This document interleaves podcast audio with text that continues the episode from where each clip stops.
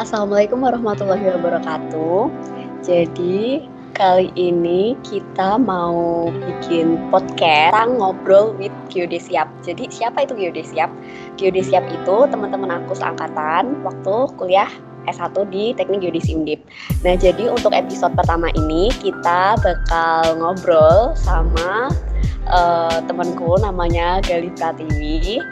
Uh, kita bakal bahas topik mengenai mimpi dan cita-cita. Oke, okay, uh, untuk lanjut ke podcastnya, mari kita undang Gali. Hai. Halo, Gali.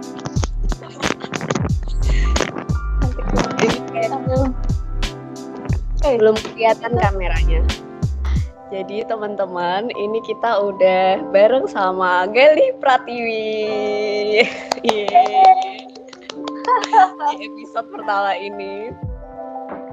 Nah, kita di episode pertama ini mau cerita-cerita tentang mimpi dan cita-cita. Nah, jadi tuh uh, aku ceritain sedikit dulu ya. Jadi Galih ini adalah temen aku yang pertama di Geodesi Undip. Jadi aku pertama kali pendaftaran setelah daftar ulang kalau nggak salah itu ketemu pertama kali sama Gali ya ya udah. Ya habis itu kita uh, ada kayak pendaf pendataan mahasiswa baru gitu. Itu aku pertama kali bareng Gali ya begitu. Mari kita sekarang ngobrol bersama Gali oke. Okay. halo semua. Jadi, halo. ya. jadi sebelum mulai uh, Gali cerita dulu perkenalan dulu Terus boleh ceritain sedikit mungkin masa kecilnya kayak gimana? Silahkan. Oh, Oke. Okay. Uh, eh, sebelumnya mau kenalan dulu ya. Aduh, santai aja ya kayaknya. Jadi episode perdana tuh jadi aku yang deg-degan. Oke. okay. Jadi uh, kenalin, aku Gali Pratiwi, biasa dipanggil Gali. Uh, dari lulusan Teknik Geodesi Universitas Diponegoro. Kebetulan temannya Wening juga gitu. Terus, oh my god. Terus uh, kalau uh, flashback tentang masa kecil, sebenarnya masa kecilku uh, biasa aja ya, nggak ada yang spesial banget. Tapi uh, dulu tuh uh, dulu banget waktu zaman SD, sempat terpikir kayak cuma kepikiran eh, nggak uh, punya cita-cita sih cita-cita yang tertentu gitu. Dulu kan anak kecil kalau ditanya mau jadi apa dokter polisi gitu. Kalau dulu tuh nggak tahu ya, ya pokoknya nggak ada tujuan aja gitu.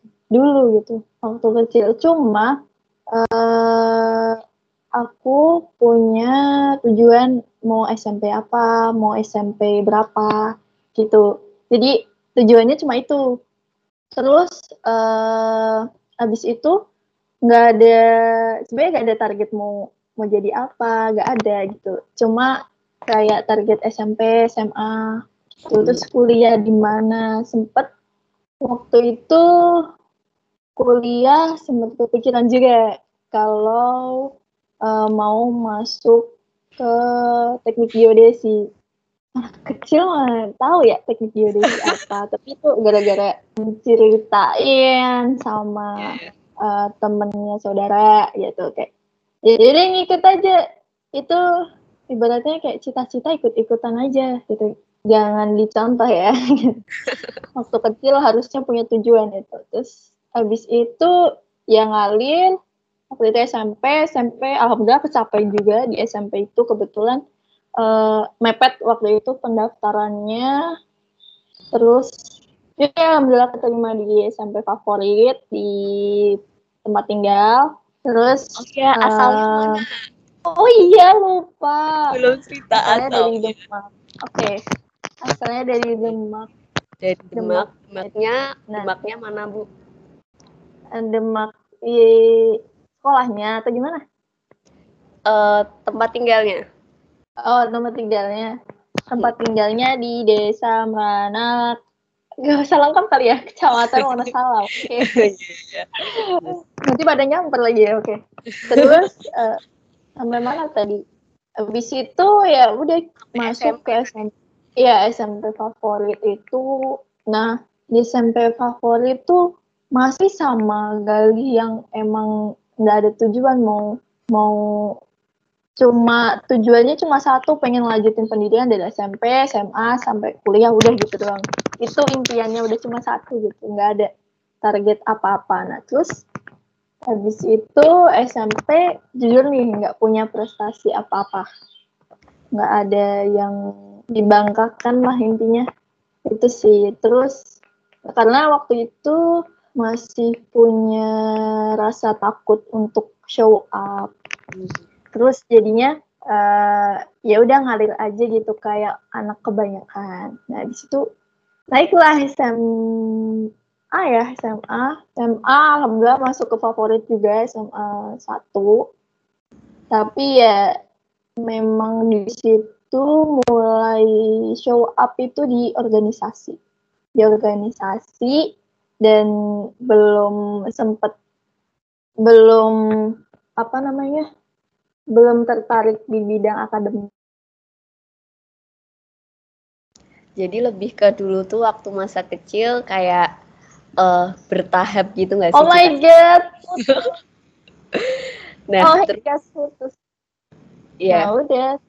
Mm. Ya udah se mulai SMA mulai kenal banyak teman dari organisasi, punya pengalaman manajemen diri, manajemen apa teman-teman gitu kenalan sama kakak kelas kayak gitu gitu sih.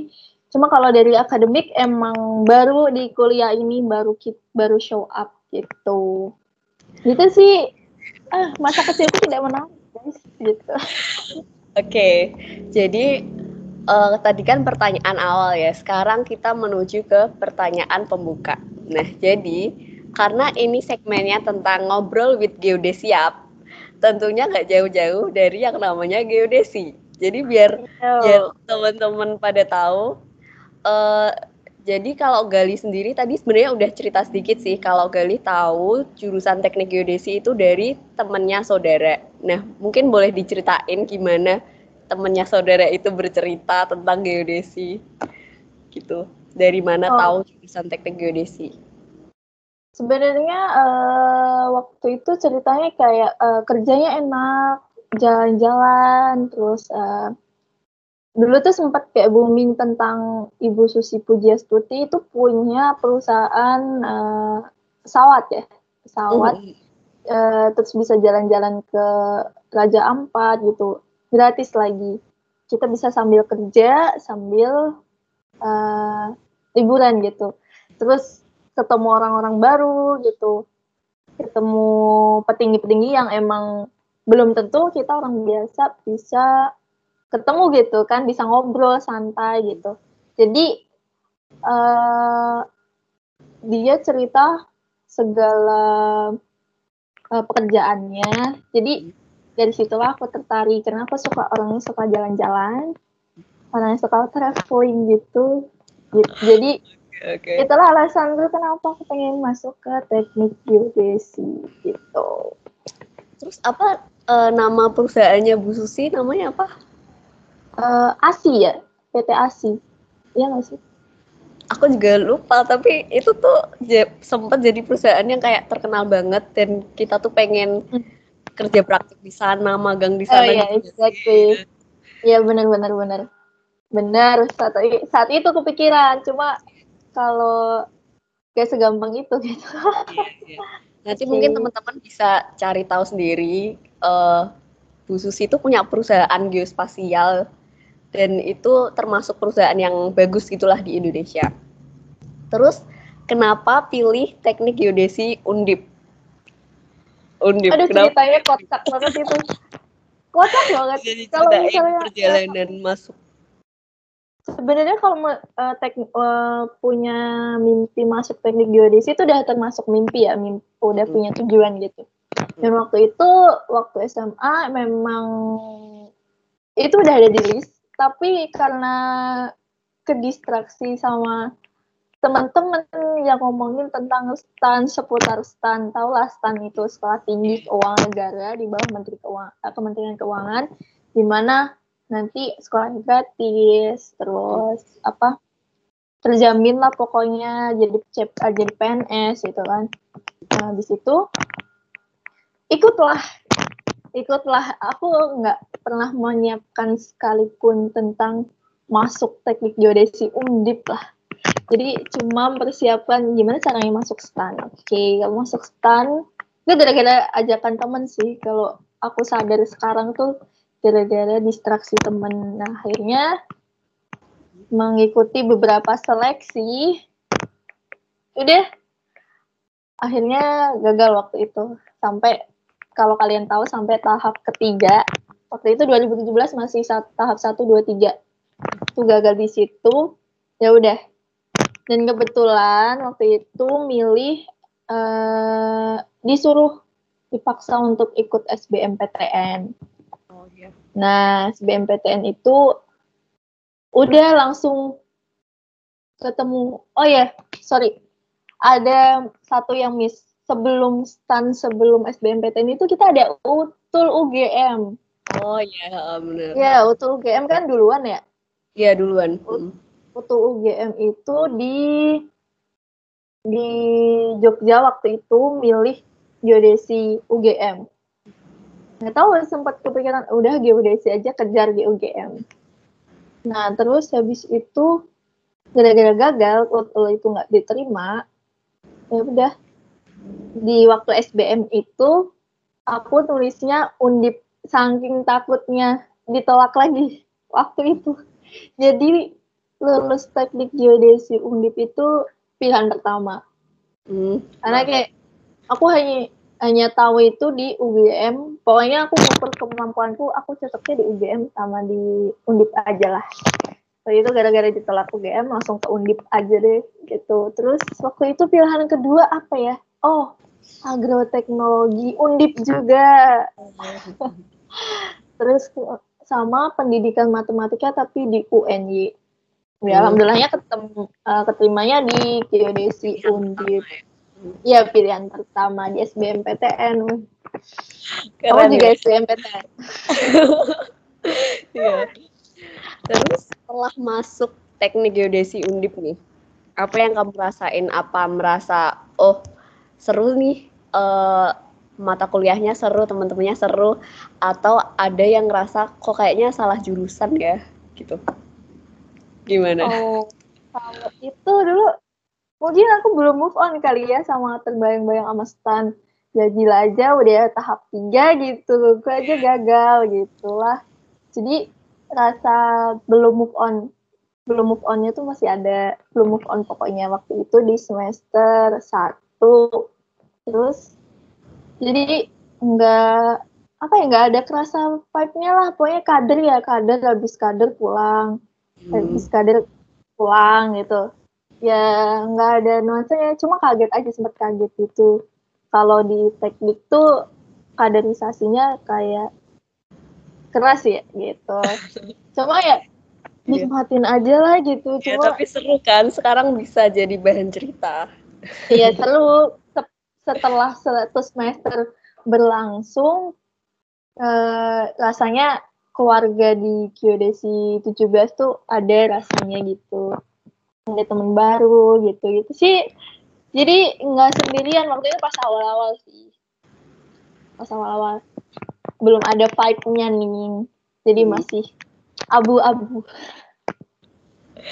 Oke, jadi dari pengalaman kuliah selama empat tahun ini, apa hal atau momen yang paling tak terlupakan? Boleh tentang eh, akademiknya ataupun organisasi. Kamu kayaknya ikut banyak organisasi kan, Gal? Bisa Oh, iya. Sebenarnya dua hal itu ada. Dua hal itu ada. Yang pertama mungkin kita bahas akademik dulu kali ya. Ya, Kalau boleh. akademik itu mungkin eh, pertama kali praktikum itu sangat terkesan banget. Ada dua sih. Praktikum itu waktu itu sama teman-teman angkatan juga Iya. baru pertama kali kenal tuh kayak eh, satu kelompok tuh akrab banget gitu. Ada eh, pokoknya kompak banget dan pertama kali praktikum juga pegang alat gimana kita bisa ngoperasiin alat gitu ya kesan pertama yang sangat indah lah intinya. Terus Asik. yang oke. yang kedua itu mungkin dunia dunia camper kali ya. Hmm. Ak- eh, kalau akademik tuh sumpah camper tuh sungguh berasa camper tuh banyak dramanya. Bukan drama angkatan aja, tapi drama kelompok juga ada, di, terutama drama kelompok kuil. Ini maaf ya kelompok aku. aku yang Jadi teman-teman yang belum tahu, Kemker itu kemah kerja yang dilakuin di semester berapa dulu? Semester lima.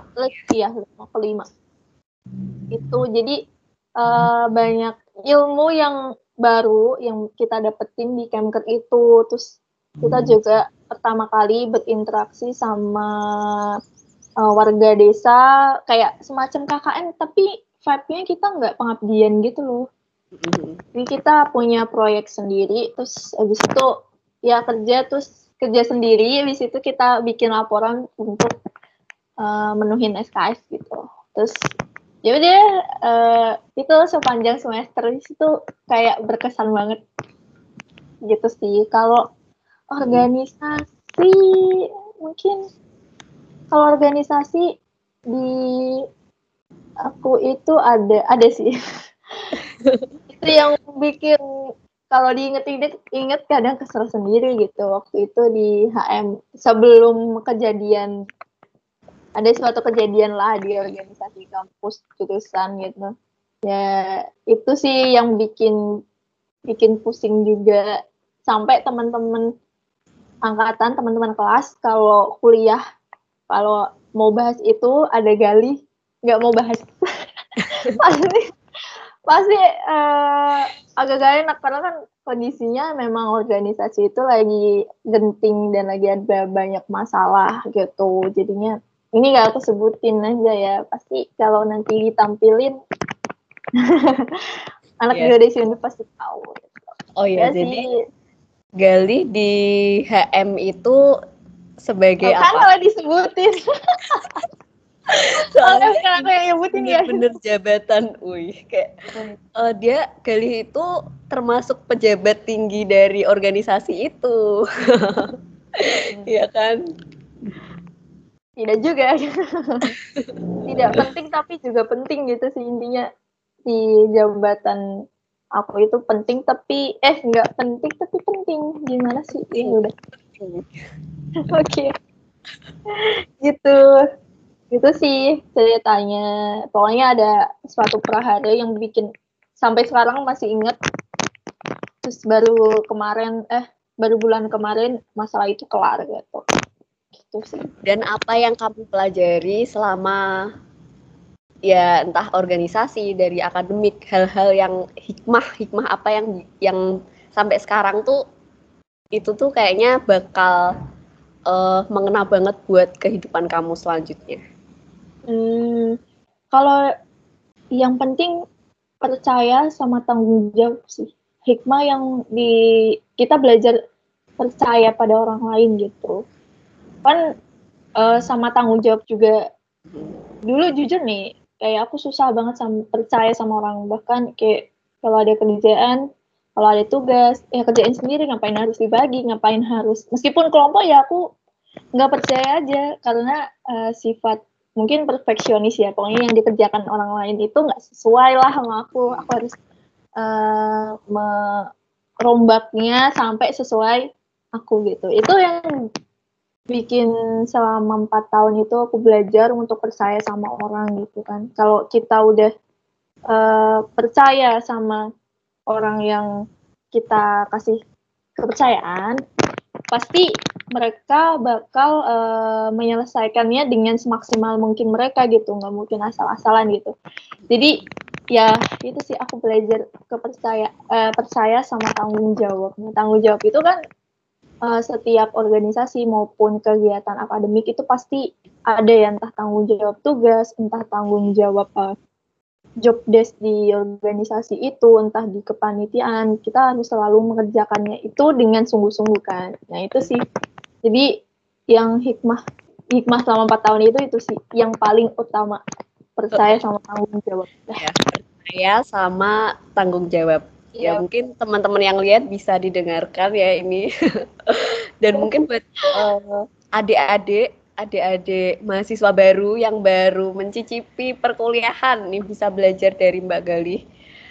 Kalau uh, kuliah jangan cuma diisi cuma sama kuliah pulang kuliah pulang atau kuliah udah kuliah udah tapi juga organisasi karena itu uh, bakal dapet value yang nantinya juga bisa kalian manfaatkan ke depannya.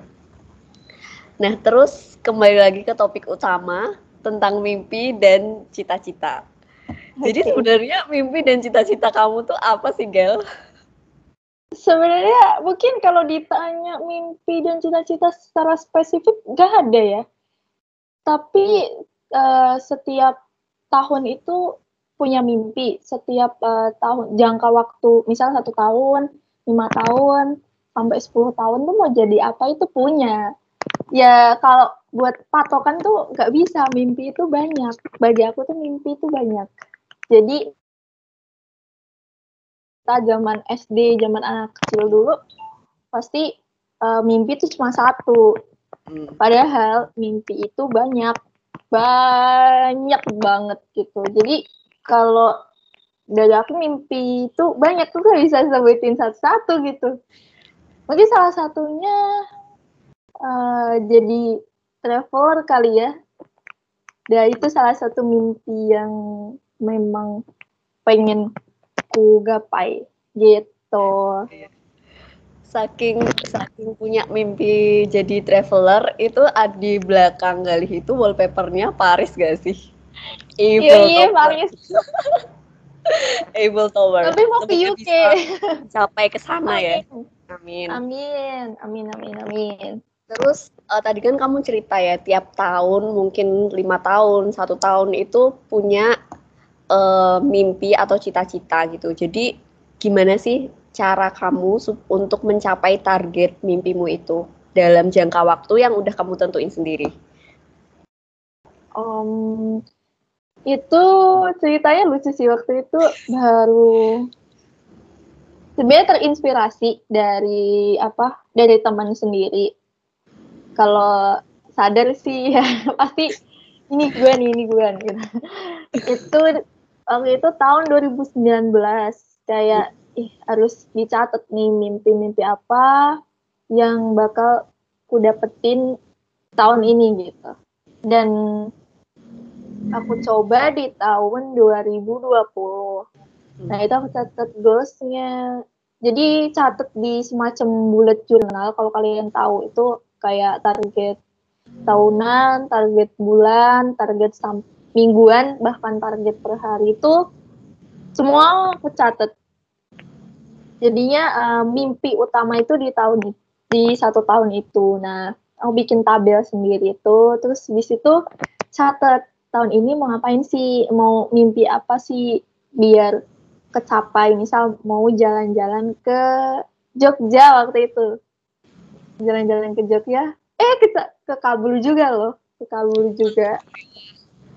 Waktu itu bukan mimpi tahun iya tahun 2020 itu mimpi ke Jogja. Alhamdulillah bisa ke Jogja itu satu minggu.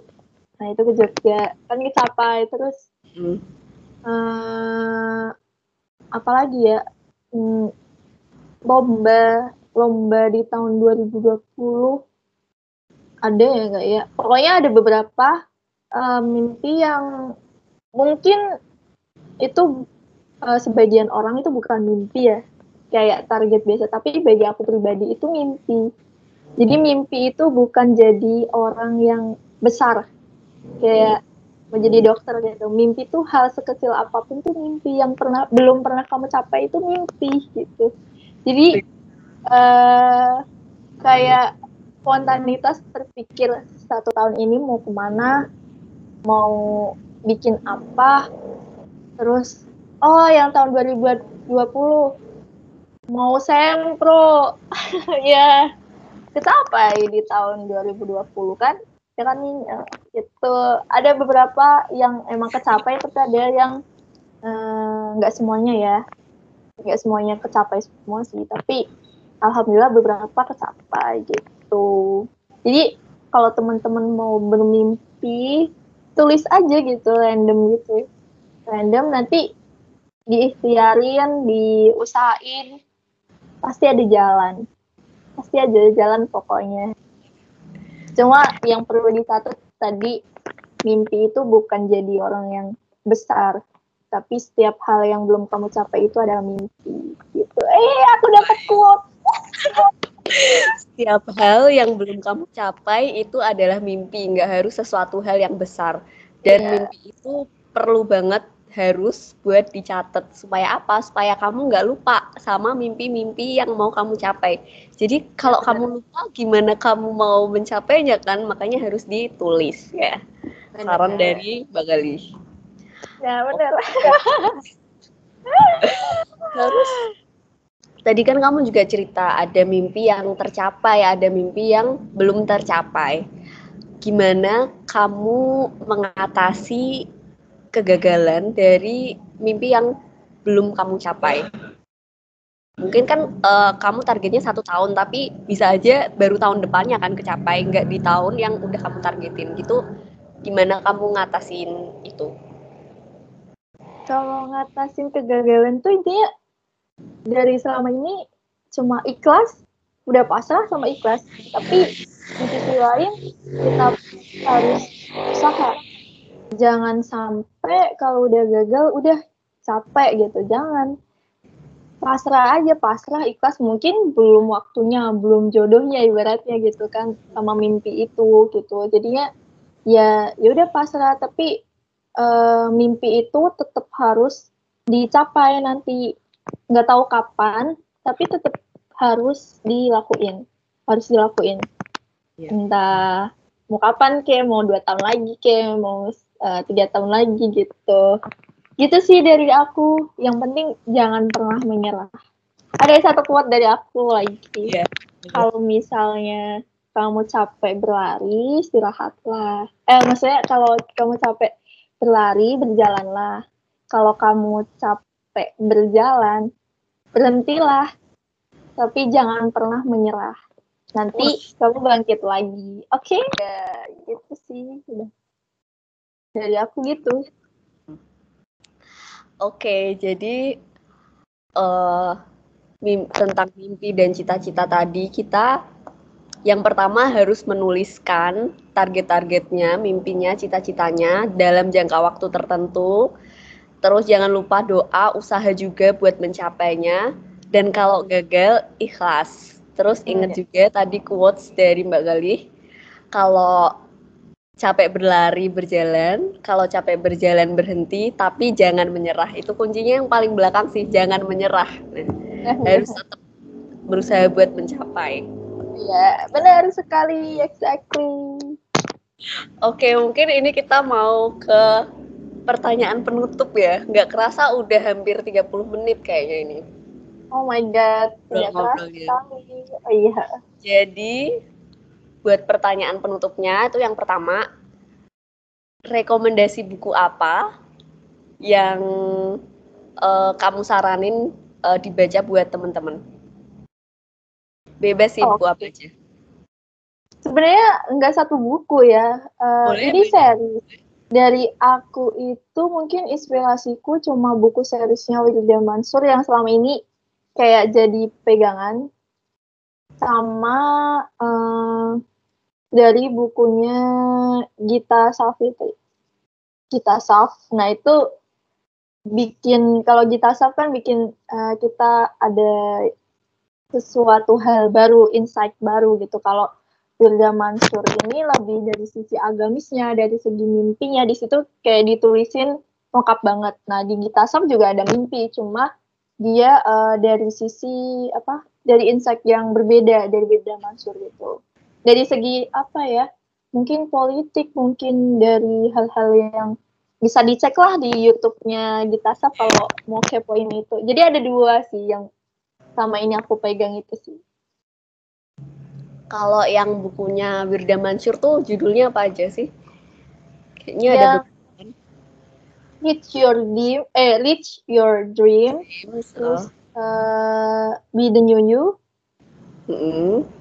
Terus uh, terus apa ya? Uh, unlimited you. Mm, terus remember me. I will remember you. Iya nah remember me I will remember you. Terus ada satu lagi sebenarnya sekarang tuh uh, a not a not of remember apa apa gitu yang baru itu. Itu sih banyak uh, buku mimpi yang ditulis sama Wigda Mansur. Tapi dari sisi agama aga- agama Islam terutama itu uh, penuh penuh quotes dan penuh apa ya biar kita bisa mengingat lah bukan soal duniawi aja tapi soal akhirat juga ada.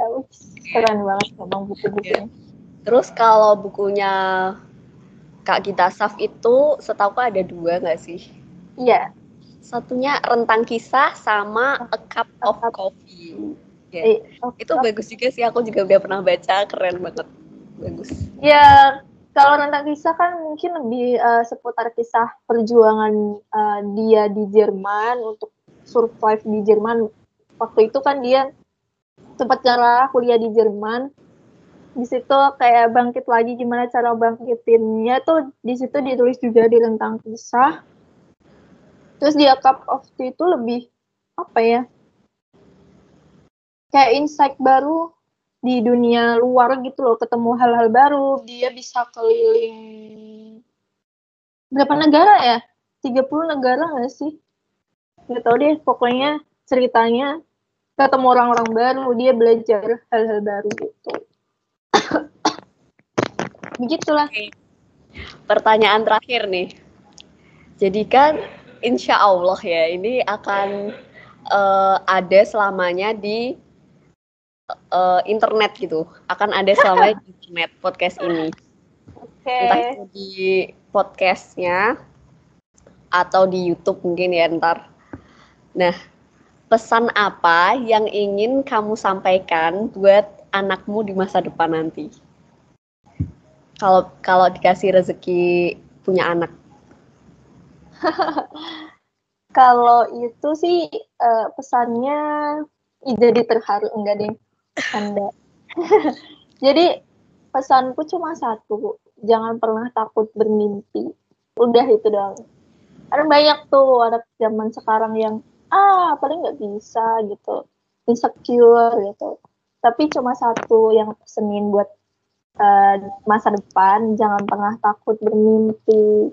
Gitu oke inget ya untuk calon anaknya Galih. Nanti, ya nanti dilihat ya ya. Oke, Oke. jadi podcast kali ini sudah selesai. Oh, oh ya, sama terakhir mau nanya. Kalau buat teman-teman yang ingin mengenal Galih lebih dekat, bisa reach sosial media mungkin apa Ya, sama jangan. mungkin ada blog dan karya-karyanya bisa dilihat Ya. di mana? di Instagram nanti dicantupin aja nih di Instagram siap. bisa nanya-nanya seputar apa seputar mimpi seputar geodesi maupun seputar apa pun itu kenal lebih deket makin deket juga nggak apa-apa barangkali jodoh kan Oke, oke. udah udah udah mulai ngaco nih. Udah. Udah oke Oke, terima kasih. Gali Pratiwi sudah mau hadir di podcast ini jadi bintang tamu pertama di episode pertama. terima kasih juga. Semoga bagi saya. Semoga apa yang kita bahas, apa yang kita obrolin di episode kali ini bisa menginspirasi teman-teman semua. Bisa jadi hal yang membuat kalian semangat untuk terus bermimpi dan tadi pesannya kalau misalnya berlari capek, kalau capek berlari bisa berjalan, kalau capek berjalan bisa berhenti tapi jangan menyerah. Iya. kuncinya jangan menyerah. Terima kasih sudah melihat dan mendengar podcast ini. Kalau ada saran dan masukan bisa kasih komen di kolom komentar. Wassalamualaikum warahmatullahi wabarakatuh. Sampai jumpa di episode selanjutnya. Dah.